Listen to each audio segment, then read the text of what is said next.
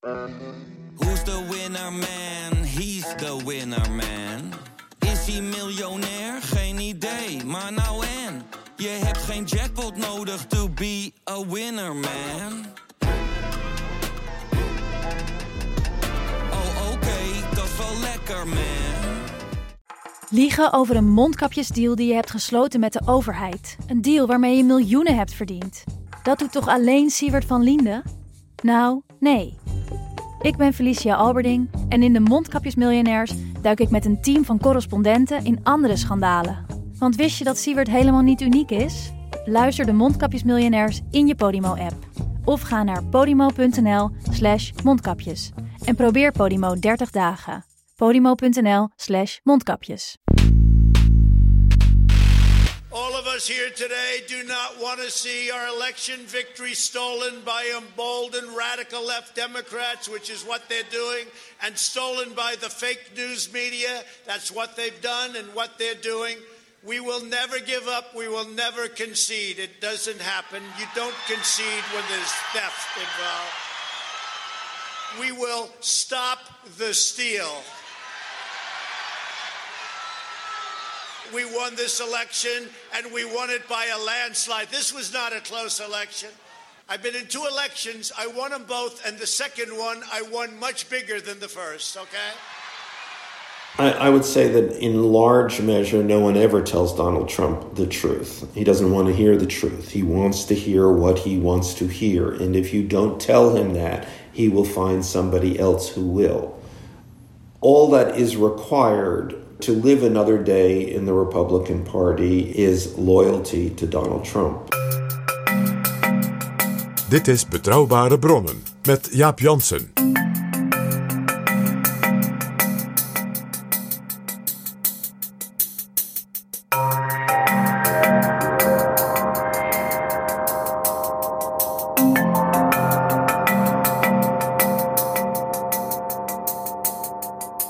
Hallo, welkom in Betrouwbare Bronnen aflevering 206 en welkom ook PG.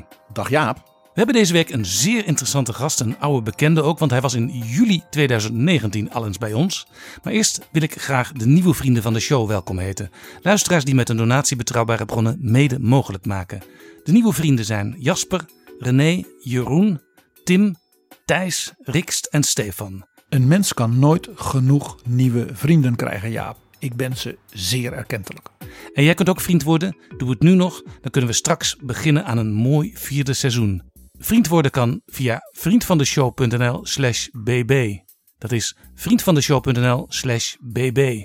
Jaap Jansen en Pieter Gerrit Kroeger duiken in de politieke geschiedenis. Vandaag verschijnt de Nederlandse vertaling van het derde boek van Michael Wolff over president Donald J. Trump. Landslide. In het Nederlands uitgegeven door Prometheus als Aardverschuiving, de laatste dagen van het Trump-bewind. Michael Wolff's tweede boek, Staat van Beleg, was voor ons in 2019 reden om toen ook al met hem te praten. We ontmoetten Wolff toen in Amsterdam. Op dit moment is Michael in New York en we zijn blij dat hij ook nu weer te gast is in Betrouwbare Bronnen. Dit is Betrouwbare Bronnen. Welcome again in Reliable Sources, Michael Wolff. How are we doing? How are um, uh, how how is who doing? how are Well- you human humanity? Um, How's Well- America doing? That's that's the thing Donald Trump always says when he he's, he's got someone on the phone. How are we doing? Um, he actually says yes. He he, he uh, and it is always a when he says that that does not require a response. He doesn't really want a response. It's just an opening for him to begin. Last time you were our guest, you told us that Donald Trump's character doesn't admit that he loses a national election. During his whole life, you said, when he faced imminent disaster, he declared victory and he left. And this was exactly what happened in November. You know him very well. And you even thought Trump might not go for a second term because of the risk of losing the elections, but he went for a second round. Why? A good question. I, I mean, I think that because he thought he absolutely believed he could not lose. There's no real cynicism on on his part here. It it, it, it was a a concerted belief that um, that against Joe Biden there was no contest. It, it just did in in in in nature itself there was not the possibility that he could lose to Joe Biden. Was there another Democratic, let's say, potential opponent that he did fear? Yes, I think various opponents. Um, there is a moment that I recount in the in the book in which he thought that the Democrats were actually going to um, going to push Joe Biden out of the race and nominate Andrew Cuomo, the governor of New York, um, uh, as um, and Michelle Obama as his vice president. you must be kidding. And and um, uh, and uh, Trump was enormous, very uh, afraid of this, so afraid that he refused to attack Joe Biden, thinking that would weaken him and enable the Democrat the Democrats to make this shift. So Donald Trump was glad, in his words, that Joe Biden stayed in his basement during uh, the beginnings of the campaign. Yes, absolutely. He, he he literally there was nothing in in his in the president's um, or the former president's mind that allowed him to think that um, um, that Joe Biden could possibly win this election. What made him afraid of Cuomo?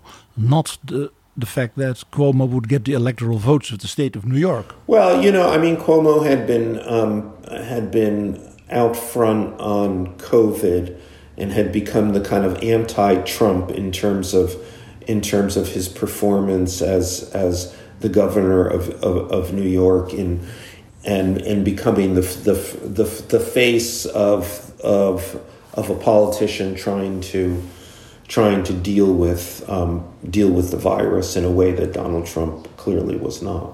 Uh, Michael, you once said that two books about the Trump presidency was enough. Why did you nevertheless write a third one? You know, I had no intention of writing a third uh, uh, until January 6th. And that was so bewildering and so concerning that it was like, um, you know, I was like the guy lying on the bed and thinking, okay, well, I got to get up and put my boots back on. and I did. What was so bewildering for you? That it could possibly happen, that um, uh, how it happened, why it happened, the meaning of of of of what tra- had transpired. Um, you know, I think that this was a you know understanding this became the the seminal journalistic question of of of that moment. So it was more about understanding that event or that, that focus point than understanding Trump. Well, I, th- I think that they're that they were clearly connected. I mean, finally connected, directly connected. Do you have finishing the, this book now for yourself an answer on what it meant? You know, I, th- I think it has something to do with the um, the relationship Donald Trump has to um, uh, to what we call his base. Um, but I think that it somewhat makes more sense if you don't call it his political base, but call it his fan base. Um, you know, Donald Trump is an is an actor. I mean, I've always thought this. I mean, what has he succeeded at in life? He succeeded at being a television performer, and and in some sense, in some highly you know, like an actor, in some highly emotional sense, he has bonded with this this fan base this bond with him is part of their identity. Um, and so that led to this to this outpouring on on on January 6th, which I've never I don't think um, you know the the the mainstream press or the liberal press um, has seen this as a as an insurrection and as an assault on democracy. Um, um, that was also the reason to start the second impeachment. Exactly, exactly, um, and they have seen it as a um, um, as a as a conspiracy, as as as Donald Trump using this to as as part of his effort to stay in office, and and I don't think it's it's it's that. It's not politi- It's not I, political in in a way, I think it's something it's something worse, or at least something harder to understand. Um, um, it's this emotional reaction, um, which is which is directly related to the, the the feelings about whatever Donald Trump represents to um, to an enormous number of people. Um, you know, and I think I think part of the job here, and it's the ongoing job, is to understand exactly what that is. Can I try to formulate it from a European perspective? These people have an enormous outpouring. You, the word you use is very good of grief and of loss. Um, yes, um, but but at, at the same time, this is clearly mixed with some amount of celebration. Yes. Yes. um, and uh, you know, and it's and it's it's mixed with um, it's an event. You know, as old Donald Trump, you know these, you know, when he does these stadium rallies, um, it's an event. Um, it, it's you know, ca- you know, there's something charismatic in the Christian sense about this. That's why I use those words grief and loss. It is a secular sort of religious uh, apparition. So you say you didn't suppose he was thinking of a coup d'etat, but on January 6th, he said to the crowd, Walk with me to the Capitol. We're going to walk down, and I'll be there with you. We're going to walk down. We're going to walk down anyone you want, but I think right here we're going to walk down to the Capitol. And we're going to cheer on our brave senators and congressmen and women. And we're probably not going to be cheering so much for some of them. Because you'll never take back our country with weakness. You have to show strength and you have to be strong. when his aides heard this, this was one of the few lines he had ad libbed in this speech. You know, usually he ad libs uh, virtually everything. This was this was a speech.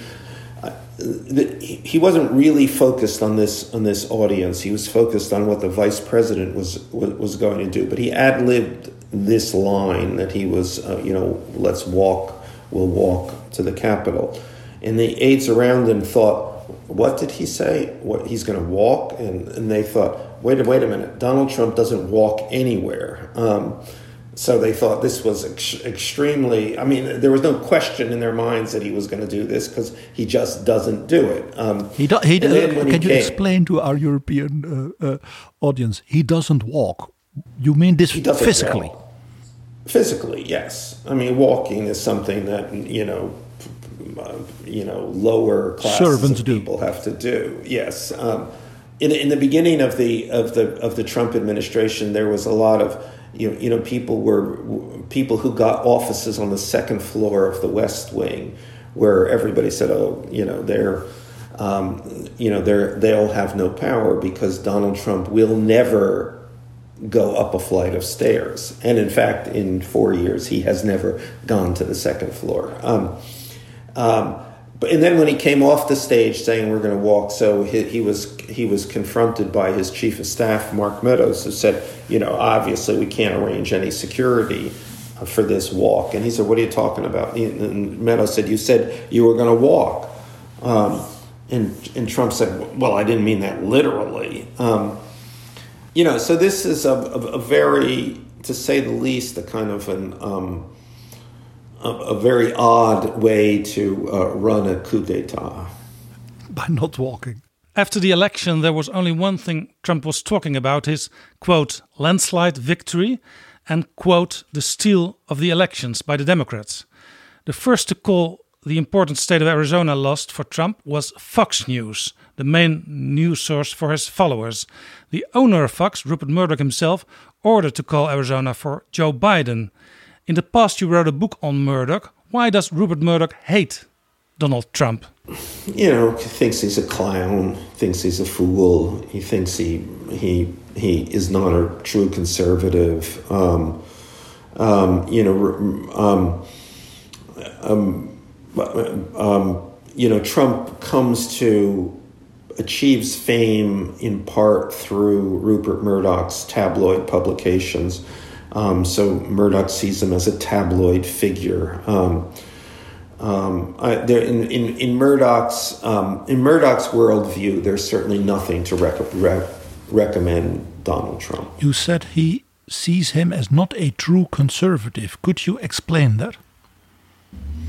Well, he's not a true conservative. I mean, he was, you know, first he was, he was a Democrat. Um, um, he's taken, you know, all, all kinds of positions that are that are antithetical, antithetical to to conservative positions, um, and also in in demeanor, he's not a conservative. Um, um, he, he's he's quite, you know quite the opposite of of of of any kind of um, any upholder of conservative principles and behavior. You mean somebody like uh, President Bush Senior?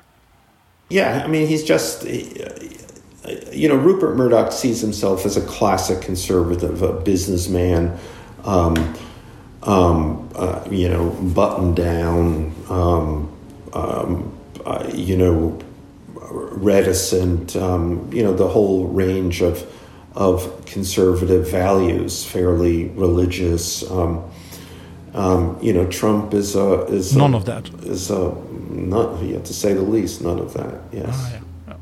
After the elections, Trump was told that Angela Merkel, Emmanuel Macron, Mario Draghi were very supportive of his election challenge, uh, you, you write.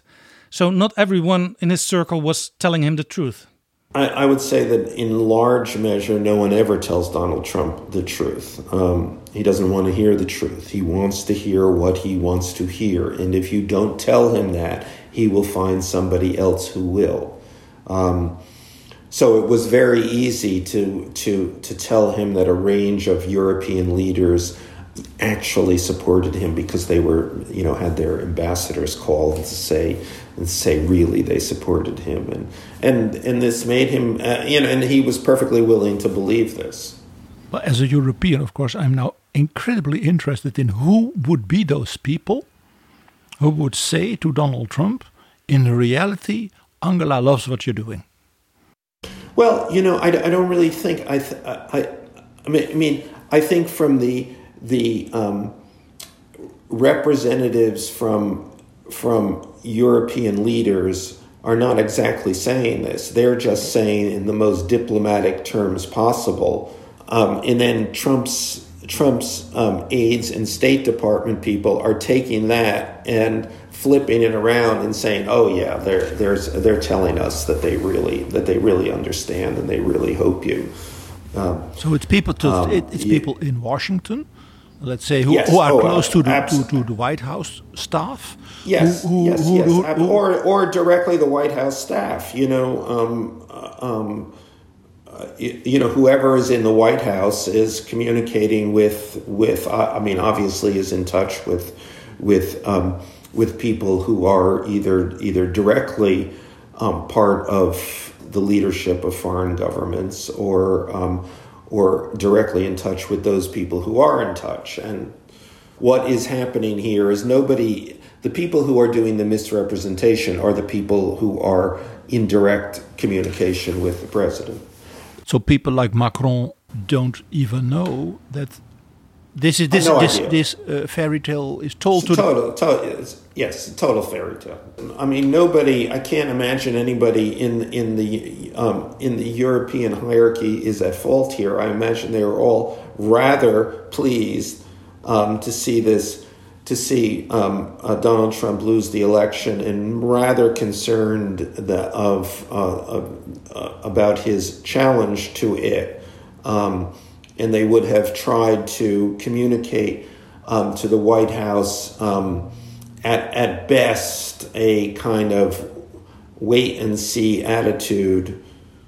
And then that would be turned into, oh, yes, they support. They were all deeply afraid, we know, about the transition, the completely, let's say, unregulated part of the American Constitution here.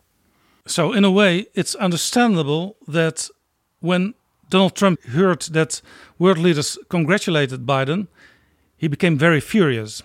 Uh, yes, I mean, you know, the oddest thing was um, was Netanyahu. Um, you know, um, a, a man abject in his uh, loyalty and devotion to Donald Trump, um, and um, but who at a you know at the, at the at the expected moment said congratulations to Joe Biden, and that was he was immediately precisely because he had been so abject in his loyalty and because Trump thought he owed him so much. Um, to do this was then a betrayal of Donald Trump. This is very interesting because for me, reading your book on that part, this showed that Donald Trump, after four years of being a president, had no idea of what it is to be a statesman. Because Netanyahu did this because of the interest of Israel having a we, we, good, we would say, good relationship with the next say, president. We would say the response would be, "Oh, you think?" Um, yeah, I, I, mean, of course. That I mean, he has no idea, no concern, no. It doesn't cross his mind. It doesn't. It's not part of his interest. You know, um, um I mean, to be a, a statesman or to even even begin to think what's involved with that is just is not going to it doesn't cross Donald Trump's um, it's, it's just not part of his makeup. He thinks also here completely transactional. He owes me. Uh, yes, yes. I mean, even that, I hesitated only because it is in any sphere to begin to put a design on what Donald Trump um, wants or intends intends is probably going too far. Dit is Betrouwbare Bronnen, een podcast met betrouwbare bronnen.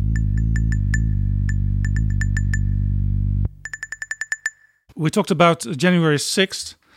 In retrospect, it was a kind of campaign moment for the post presidential period to maintain Trump's influence over the Republican Party. For us in Europe, it's not always easy to understand the relationship between Trump and the Republicans. In his four years in power, it looked to me like Trump held his party hostage. And uh, I expected that the party would say goodbye to him as soon as possible, but that didn't happen. Why? Because he's managed to maintain a very tight grip on on on his uh, base, the word we seem to use for this. Um, so what, whatever the the the percentage, forty percent, forty two percent, forty three percent of of the American electorate, um, um, he holds it tight, um, and and that is the Republican Party. So if you want to get so, reelected as a senator or as a congressman or woman, you more or less rely on Donald Trump. Bingo. Yes. So the way to the Republican Party is only through Donald Trump at this point. Yes. This is fascinating because certainly we as Europeans, we look at the Republican Party obviously from a, the way Europeans understand political parties as organized buildings with a common core of beliefs and traditions. And and so we think Ronald Reagan, the Bushes, James Baker, you know what I mean, Condi Rice. That's not the base. That's not Donald Trump. Where are what has happened to the, the Republican Party? You know, I think the Republican Party has been transformed by a by a, a, a, a series of of of many developments, and I think the the leadership of the Republican Party is at largely or often at odds with the base of the Republican Party, and um, and they are brought together by Donald Trump, um, and um, I think that's confusing to a lot of people. That's certainly a lot of people in the Republican Party. It's kind of an unresolved development, um, but for the moment, it um, all that is required to have another to live another day in the Republican Party is um, is loyalty to Donald Trump. So for the meantime, that's what has happened. Now there was a moment after January sixth when that seemed to um, there seemed to be an opportunity to um, to confront Donald Trump with with to, to lay blame at the feet of Donald Trump. Um, but then the, the Trump White House put a poll into the field. I think the poll came back on the 11th or the 12th, um, January 11th or, or 12th, and it sh- showed showed uh, oh, virtually in a lack of concern about January 6th among among the Republican base, and so everybody ran right back to Donald Trump. So, uh, people like Mitch McConnell, the leader in the Senate, they had to go on with this Donald Trump. Well, yeah, I mean, Mitch McConnell hates Donald Trump and and doesn't speak to Donald Trump anymore, and probably will never speak to him again. And Donald Trump says terrible things about about Mitch McConnell. Such so as, such as what does he say? Just you, you can go through a litany of of Donald Trump words. He's a loser, a um, a disloyal betrayer, an incompetent, a fool. So, and, and, and this is all yet unresolved. I mean, I would say that this brings us into the next phase of of um, of the Donald Trump story. Um, will he um, indeed be able to remake the the Republican Party wholly in his image? Um, or or will he, as he was on November third, um, been defeated and ultimately um, um, ultimately robbed of his status and power? Unclear. While he was president, he needed Mitch McConnell. He needed Paul Ryan because he himself was not somebody who could govern to get things done, to get a program in. Well, I, I wouldn't exactly put it put it that way. I mean, um, I, I, don't, I don't think Donald Trump needed anything because I don't think he cared about anything. I think I think he, he needed the attention and the the awe and devotion of his base, which he appears never to be in danger of, of, of losing. But the president wants to get things done. No, no I, I, don't think Donald Trump wanted to get things done. He doesn't just would uh, not not not interested in that. Um, so therefore, Mitch McConnell and Paul Ryan. Um, they they merely took advantage of the of the of the fact that um, uh, that that they could rely on the um, the unity of the Republican base because of Donald Trump, and they could take the opportunity that Donald Trump had no real policies or policy interests of his own, so that they could then continue to implement the um, a standard Republican uh, Republican conservative agenda. Because that is what one of the most remarkable things of the four years of the Trump presidency is that all the great initiatives, infrastructure week, let me just uh, mention this, uh, uh, repeal and replace Obamacare, nothing has been done in that in that sphere, but the classic. Uh, uh, Republican agenda, judges, taxes, right. and the military have been done and deregulation. Exactly. Exactly. Can you say that Mitch McConnell, with all his parliamentary power, uh, was the real governing person during the Trump years?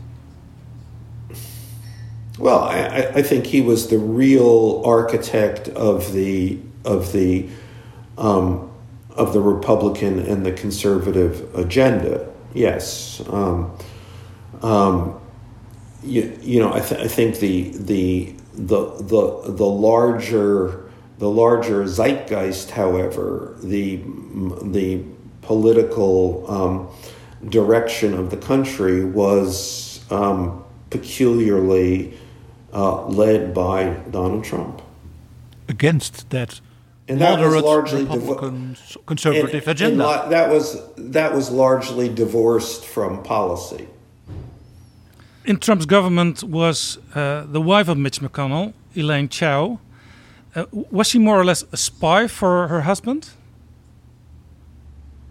Well, yeah. I mean, the interesting thing about about Donald Trump's government, you didn't really have to spy on it. Donald Trump didn't do anything in secret. Um, Donald Trump was um, possibly the most transparent president we've ever had. So I'm, I'm not sure what a spy would tell you. Um, possibly they would tell you he's crazier than even you think he is. Um, uh, I'm sure she told her husband that. Yeah. Yes. I'm sure. I'm sure. I'm sure she didn't have to tell her husband that. He, he knew it. You, you bring a, in my historian brain an, an idea. Just think, Richard Nixon would have tweeted like Donald Trump. No, I mean Richard Nixon was a was a you know was a, a, a, a very buttoned down politician. You know he was he was he was not transparent. No. Um, he was not. Um, you know, you know, there was his outer demeanor and his inner demeanor. Um, you know, Trump is not. His inner demeanor is the same as his outer demeanor.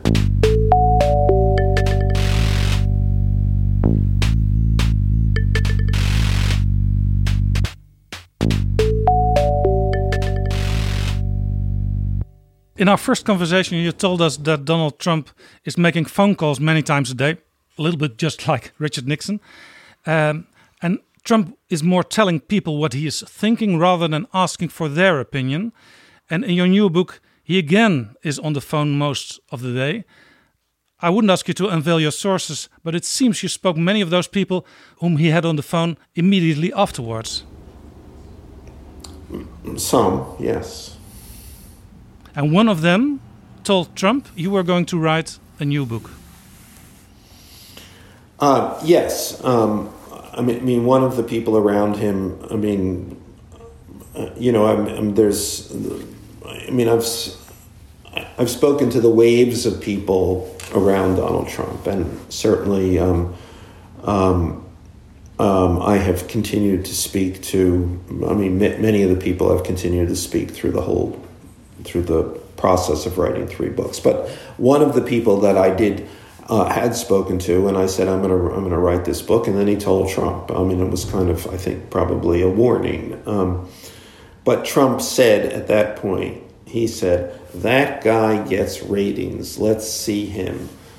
He loves you sh- as a TV producer. Would love you.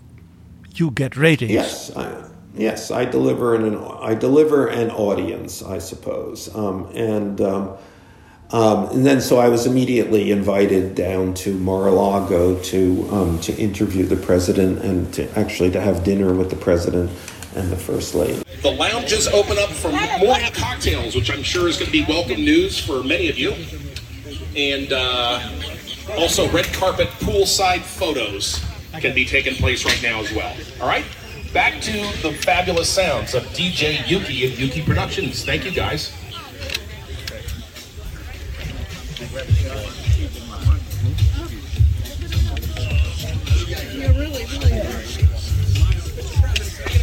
How's it going? Okay. You're now at the seventh annual Palm event for 2021. Welcome to everybody. The gates are open. We're going to have a great time in the guest list. You already noticed, is uh, to take a picture with you. Right there. Oh. oh my gosh. Your biggest supporter right next to you there. Oh, I don't know. I'm you got a lot of them here, sir. You got him, my man. Thank you. Mr. Wolff, we want to know all the details. I'll tell you. Because as a European from a country like the Netherlands, with its, you know, centuries old politi- politics of compromise, and with not that kind of let's say uh, entertainment Hollywoodesque politics. You know, this is the, the, this is the continent of people like Angela Merkel, sober mm-hmm. people. Can you tell us how do you go to Mar-a-Lago? First of all, you can't just take the train. You fly there. Is there somebody who picks you up? Is there security? Can you give us that kind of almost logistical details? Yes, I can. T- I can tell you everything. I we mean, would love to. West Okay, I'll tell you. You fly to West Palm Beach. Um, you know, Palm Beach is one of those, um, um, you know, sunny climes for shady people. Um, anyway, you, you, you fly there and then you call an Uber and it takes you to Mar-a-Lago and, um, and there's Secret Service at Mar-a-Lago, but they have your name. It's very easy to um, and you, you pass through, and then you arrive at the Mar-a-Lago is a 1920s um, uh, was was was built by an heiress um, with a huge fortune, and so it's a it's a kind of a it's a show-offy place, but 1920s style. Country club. And so it's more. Is it, is it more Art Deco or is it more sem- semi-Latin well, or? Yeah, you, you know you can't. I mean the the the the main room there, uh, which you which you walk in, is a kind of a violent clash of many styles. Um, you know, you sort of have Renaissance palazzo, um, hunting lodge, um, Scottish baronial. Uh, yeah, yeah, neo Gothic. Like, uh, you know, yes, um, um, and lots of lots of gold. It's, it's, also lots of palms. Yeah, yeah. There's yes, and then you have um, yeah. So yeah, um, uh, uh, you have Florida thrown into this into this this mix, but but it is. It, it's it's a country club now. It was once a private. Actually, Trump bought it to be a private home in the '80s, but then he ran out of money and he had to. Um, um, so he had to remake it as a country club where people paid paid a fee. So he now lives in the country club. He's the only resident of this country club, and it's an old fashioned country club. So you have these big posters that say, you know, prime ribs night Thursday, or um, uh, you know, Italian night with accordion player, or a- Asian night. You know, it's um, it's very old fashioned. Um, Yes, completely. And, and and in fact most of the people there these are, you know, very wealthy retirees. That's that's who the membership because is. the we- the, so the weather rate, of course is wonderful there. Well, except in the summer when it's terrible. Oh. Um, um, um, so at any rate, um, in this big room, this baronial hunting lodge room, um, that's where Trump does all of his business. So he doesn't he doesn't he's not in an office somewhere. He sits right in the middle of the place. So it's the anybody is the first place you enter there is yes, donald trump. Exactly. And you know and it's a, a, very large room and there are many sections of you know with couches and chairs and he it's like a foyer of a hotel. Yes lobby of a hotel exactly. Um, and he occupies the the the central seating area and all of I mean, his day is mostly spent with Republicans coming to kiss his ring and playing golf. So when the kissing of the ring is all done in the lobby, and anyone can observe this, anyone can listen in. Um, again, entirely transparent. It, it's um, like the opening scene of The Godfather. Uh, the, the, there's yes. a wedding with this great party, and yes. everybody comes and they yes. kiss the ring. But but he's except but he's in a room. That's true. Apart That's from true. that, um, so Donald Trump is there, and Donald Trump is also acting like the, the he he's kind of acts like the host or the maitre d.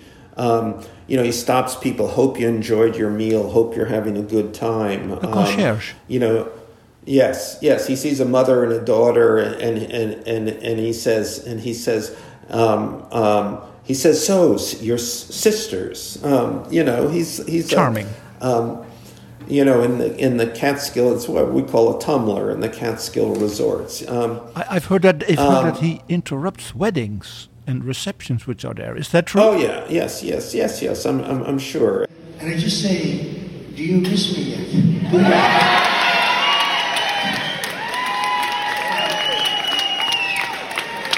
As we were saying, we did get 75 million votes. Nobody's ever got to that. They said, get 66 million votes, sir, and the election's over. Well, I got 75 million, and they said, but you know, you saw what happened. 10.30 in the evening, all of a sudden they said, that's a strange thing. Why are they closing up certain places, right? You know, a lot of things happening right now. I just wanted to say it's an honor to be here. It's an honor to have you at Mar-a-Lago. You are a great and beautiful couple. And for many, many years, enjoyed you. Special, And you know, and he has. There's a lot of people from the administration who who continue to come who come there. They're kissing the ring, but you know, also perpetual hangers on.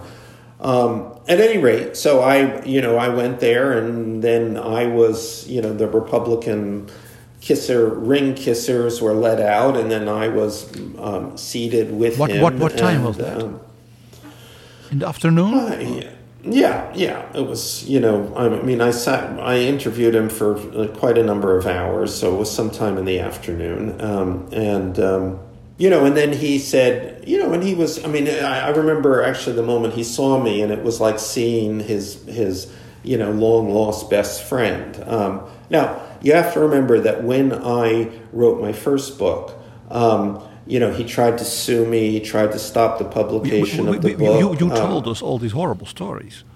Yes, uh, you know, it was again and again and again that I was the worst person on, on earth. But anyway, Which he is true, of course. Now. Yes, def- definitely. Um, anyway, he sees me now, and um, and uh, you know, a light comes into his his his face, and it's like we're you know we're um, um, best friends are being reunited. And then he says, W- he were you sits down and prepared for says, that? That he would do that? uh, you, you know, I, I didn't. I honestly, you know, under the circumstances, hardly knew what to expect here. Um, and uh, but then he sa- he sat he sat down, or, or I sat down, and we're um, and, and he says, you know, those those those two books you wrote about me. He said they they were they were very mean and very very wrong. Um, but then he said, but I don't blame you. I blame my people. That's fascinating. And- Because he picked those people. So he's the worst, worst, Yes, but- worst uh, yes, human resources, resources manager in, in history. Yeah, well, um, whatever. I mean, it was kind of like you know, um, you know. Clearly, I'm willing to start over. Let's start over. Um, and um, and then you know, we had a long, long conversation, several hours, and then he invited me to dinner with um, with he and the, the former first So, lady. so, And, so um, the, the president, the former president, sat there with uh, what Sarah Huckabee Sanders once branded as the enemy number one.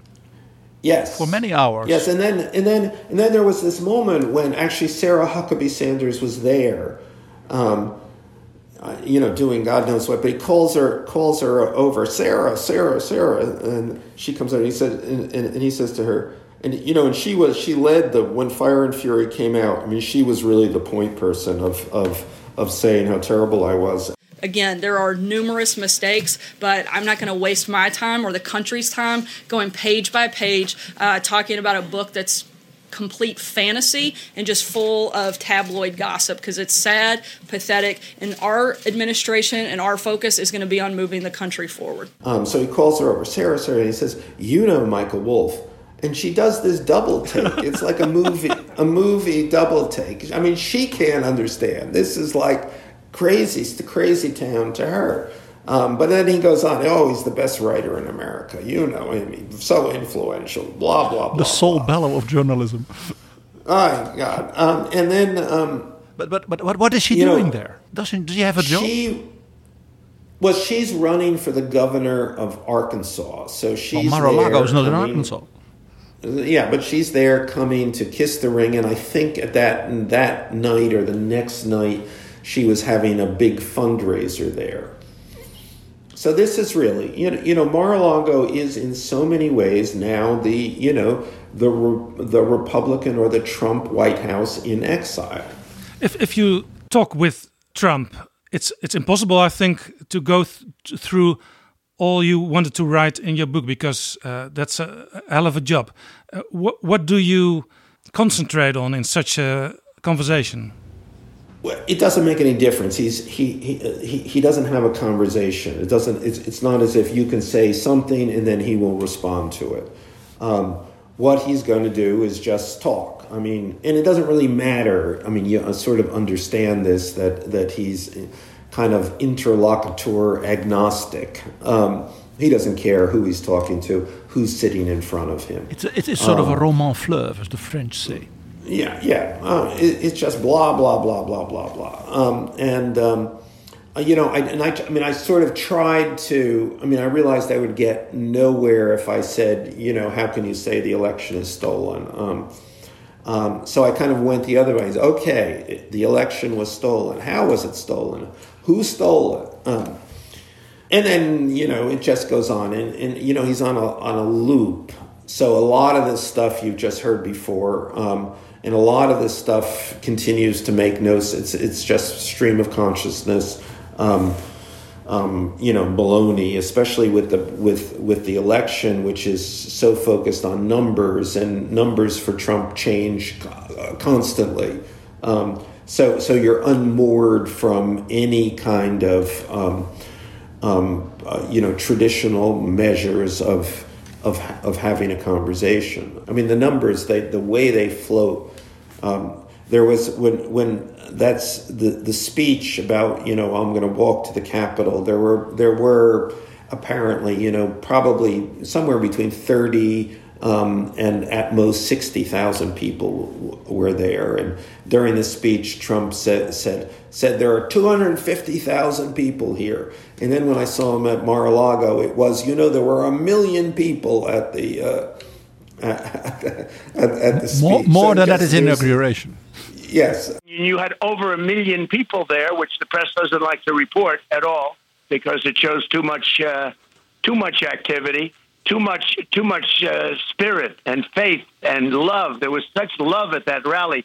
You had over a million people there. But anyway, it was a perfectly, you know, pleasant conversation. I, I, But, I for, you but know, the, I the, the point of uh, Murdoch saying, for us it's clear, Arizona is lost for Trump. Maricopa, uh, the, the, the district of the major million city of Phoenix in Europe, not everybody knows that Phoenix is a big, big city. Right. Middle in the desert, and the rest of Arizona is, is nothing. And he lost there. Uh, was that something you raised in that uh, conversation?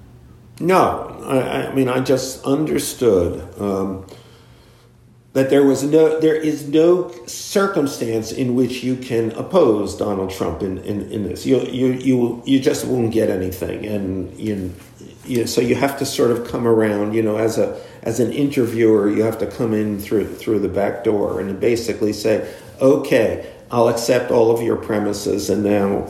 Um, and let the person hang themselves, which and the, which is why in the end I produce, oh, you know, almost verbatim his um, um, his his extended diatribe here. And then you were invited to have dinner with him and Melania. Yeah, yeah, and that's that's also extraordinary. So Had you met her the- before? Uh, yes, I had met her once before. Um, um, so the, that room opens up onto this patio, and, um, and there are, you know, it's it's a rather large dining area, maybe forty or fifty tables, and um, and so the president and and his the former president and the former first lady wait until until the the dining area is is is is filled with with with people. And then they go in and then everybody stands up and applauds when they come in. Um, It, it's theater. the yes and then he sits in a um, he sits right in the middle of everyone but with a sort of a red rope around his around his his his table Like in that foyer, Um, this this hotel lobby thing where you just said that when he meets Yes, people, exactly. it's in the middle so that everybody sees it. Right. And so and it's and dinner is not really dinner. It's more like like like the the um, the head table at a wedding and and Trump and Melania are the bride and groom since they they spend the whole time, you know, greeting people. Um, you know, and he keeps talking. His his conversation continues um, and it's uh, it's undifferentiated who, who he talks to. You know, he starts with one person, blah blah blah blah blah, and he just shifts over here to another person, blah blah blah, and it continues. So you had dinner with And the whole Mel- hall, not just with the two. Yes, yes, exactly, exactly. And you're sort of a prop. Oh, you know Michael Wolff, the best writer in America. Um, and then Can you remember what um, was on the menu? steak, of course. Um, I mean, I, you could order. I, th- I think that there was a yeah. I mean, there was a menu you can order, but it's mostly steak and steak and steak and- and, and was steak. the Uh, former president drinking Coca Cola? Uh, um, yeah, yeah, Diet Coke. Yes, he was. Um, I remember it was quite hard for me to get a glass of wine, um, you know, because he doesn't drink, so they don't. You know, did- but I'm, I'm kind of the waiters are going by. I'm going kind of like this, and uh, um, And Melania, of course, uh, she's from Slovenia. and she's very and, and her country her country is now the president of the European Union. Did you know that? and so I did not know and they that. have excellent wine there. So did she offer you wine? Um, no, the president finally said, "Hey, do you do you do you want want something to drink?" Uh, um, and then I got a glass of wine, single glass of wine. Was it Um, any good? Uh, yeah, yeah, it was fine actually. Um, um, and then the Melania is she's very gracious and she's you know greeting everyone. Hi, how are you? Oh, wonderful to see you. I mean, it's it's that. There's no differentiation in the in the in the in the pattern, and they must have greeted. You know, I don't. You know, um, you know, lots of people, 40, 50 people. It's. Um, I mean, that's their whole evening, There is no intimacy. to say the very least. Now, I've heard that Melania, in what you call in your book, the insiders and the outsiders of the Trump world. And the insiders is people like Kushner, his son in law, Ivanka, his daughter, uh, his chief of staff, Mark Meadows. And the outsiders is Giuliani, uh, lots of strange Right. people, Don, Donald Right. Trump's new girlfriend. And now I've heard and also got the impression from your book that Melania is more on the outsiders than on the insiders wing. Well, I, I, I don't know. Nobody really understands that that that relationship, and I think people go out of the way, um, especially Trump insiders, not to understand it. You know, you don't want to inquire too close. I mean, it's, it's this is not going to earn anybody anything to to try to pin down what's really going on in that in that relationship. Also politically, in the sense of this first lady has on these subjects or on these views on the world uh, and sort of influence on the thinking of her husband. Yeah, I, I, I don't know. I mean, I, I, I would I couldn't even imagine what her actual views are, even if she has any views. I can't imagine if they exchange views. Um, I, I don't I don't know. I mean, I mean there there was. Uh, I mean, I recount an, a, a you know a story on the night of January sixth when when one of um, one of Trump's aides calls him um, and says, you know, I mean, he's advocating that we need to put out a statement. Uh, you know, you know, I mean, Joe Biden is going to be confirmed as the president. You have to say something, um, and you have to say it in a way that that. Um, uh, that y- you know that that suggests you know that there's an that this is going to be a um, you know an orderly transition that you know uh, at any rate he calls he calls the president and and then the president puts on the uh, uh, the calls the first lady the phone. He says he says oh I'm here with our great first lady. Um, so she's there. um, yes, and she was there at that um, at that point, and then she gets on the phone and, and says agrees that they should do this, and um, but at the at the same time, other aides will will say, you know, you know, they're never they have never been sure exactly where she lives, um, you know, whether she lived with her parents in. Um, in, in, in Maryland, not not not far not far away, where she had bought them a house, um, and and likewise in Florida, does she live at Mar-a-Lago or does she live with her parents? It's a it's a again, it's it's one of those things that nobody really wants the answer to. Do her parents also have a house uh, near Mar-a-Lago? Yes, yes.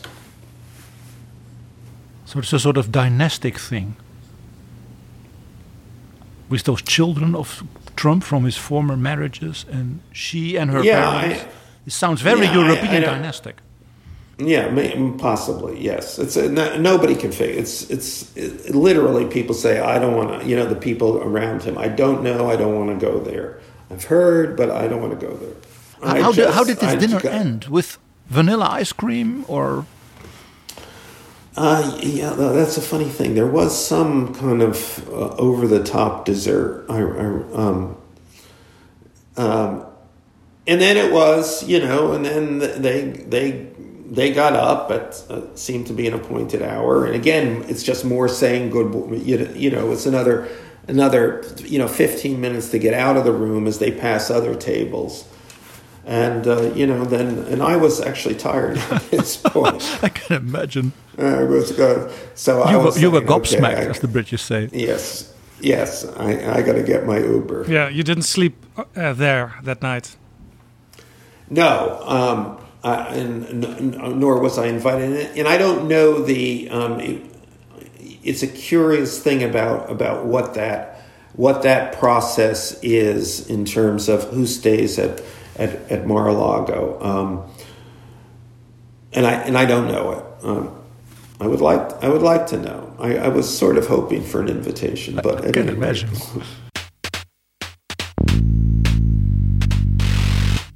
Let's go back to January 6th and the last uh, few weeks of his presidency.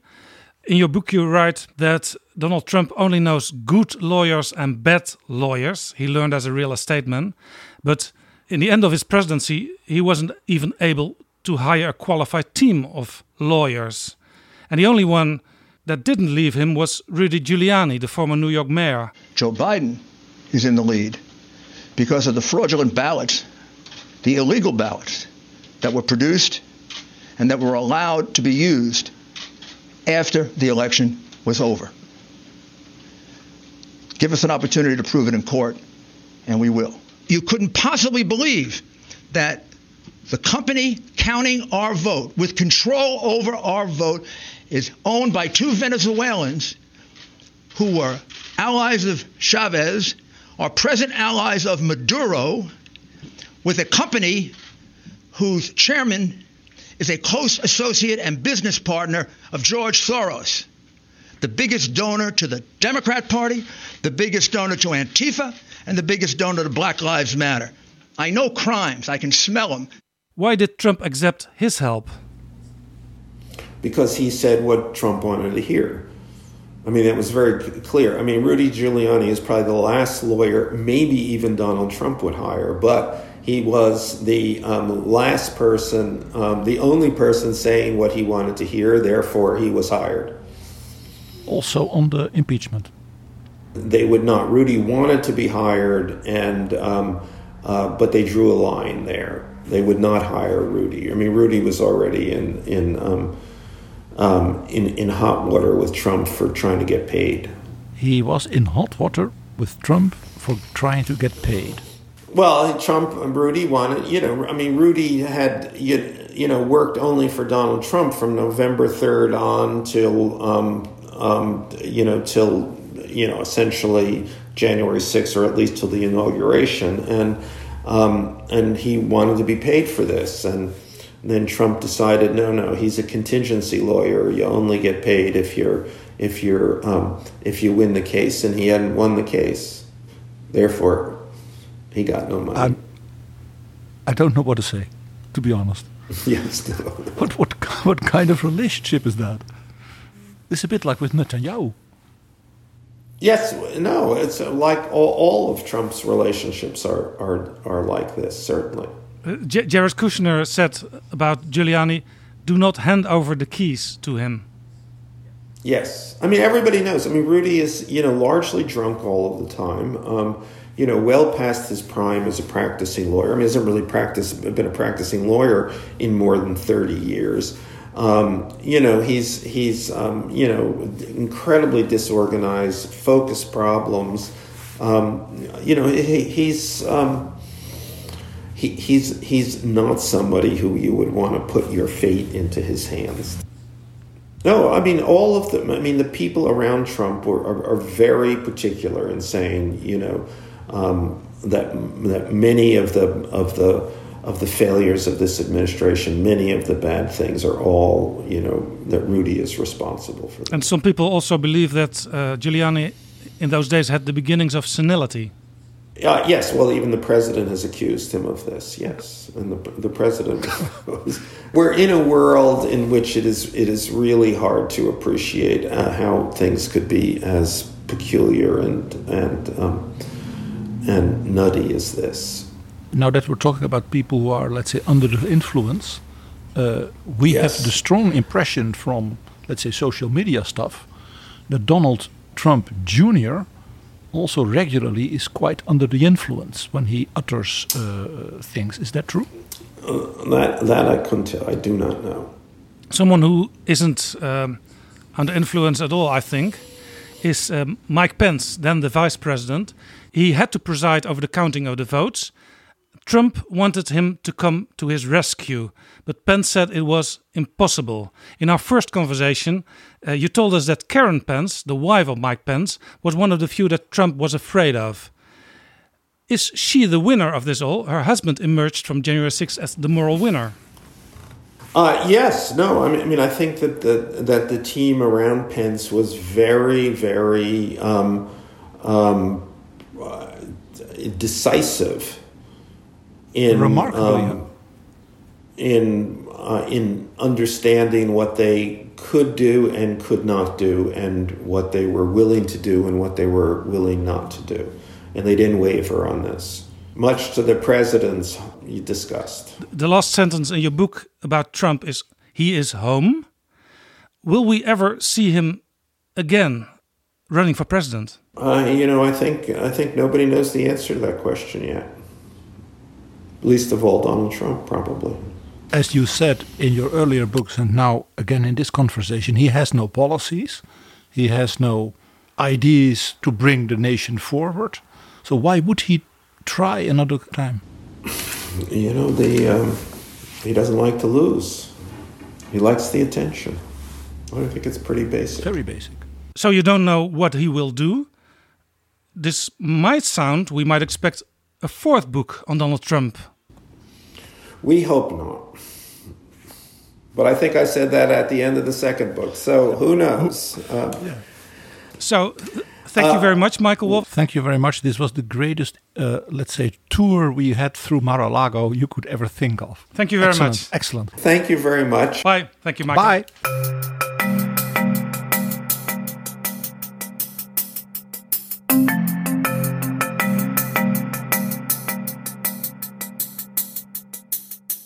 Zo, dit was Betrouwbare Bronnen, aflevering 206. Deze aflevering is mede mogelijk gemaakt door de vrienden van de show. Mensen die net als Jasper, René, Jeroen, Tim, Thijs, Riks en Stefan met een donatie hun waardering hebben uitgesproken aan Betrouwbare Bronnen. Ben jij nog geen vriend van de show? Zorg nu dan dat daar verandering in komt. Ga naar vriendvandeshow.nl/slash bb en help Betrouwbare Bronnen mede mogelijk maken. Heel erg bedankt. Wij gaan onvermoeibaar door. vriendvandeshow.nl slash bb. Ook wij gaan even met zomerreces, maar er komt nog één aflevering. Volgende week. Tot dan. Betrouwbare bronnen wordt gemaakt door Jaap Jansen in samenwerking met dag en nacht.nl.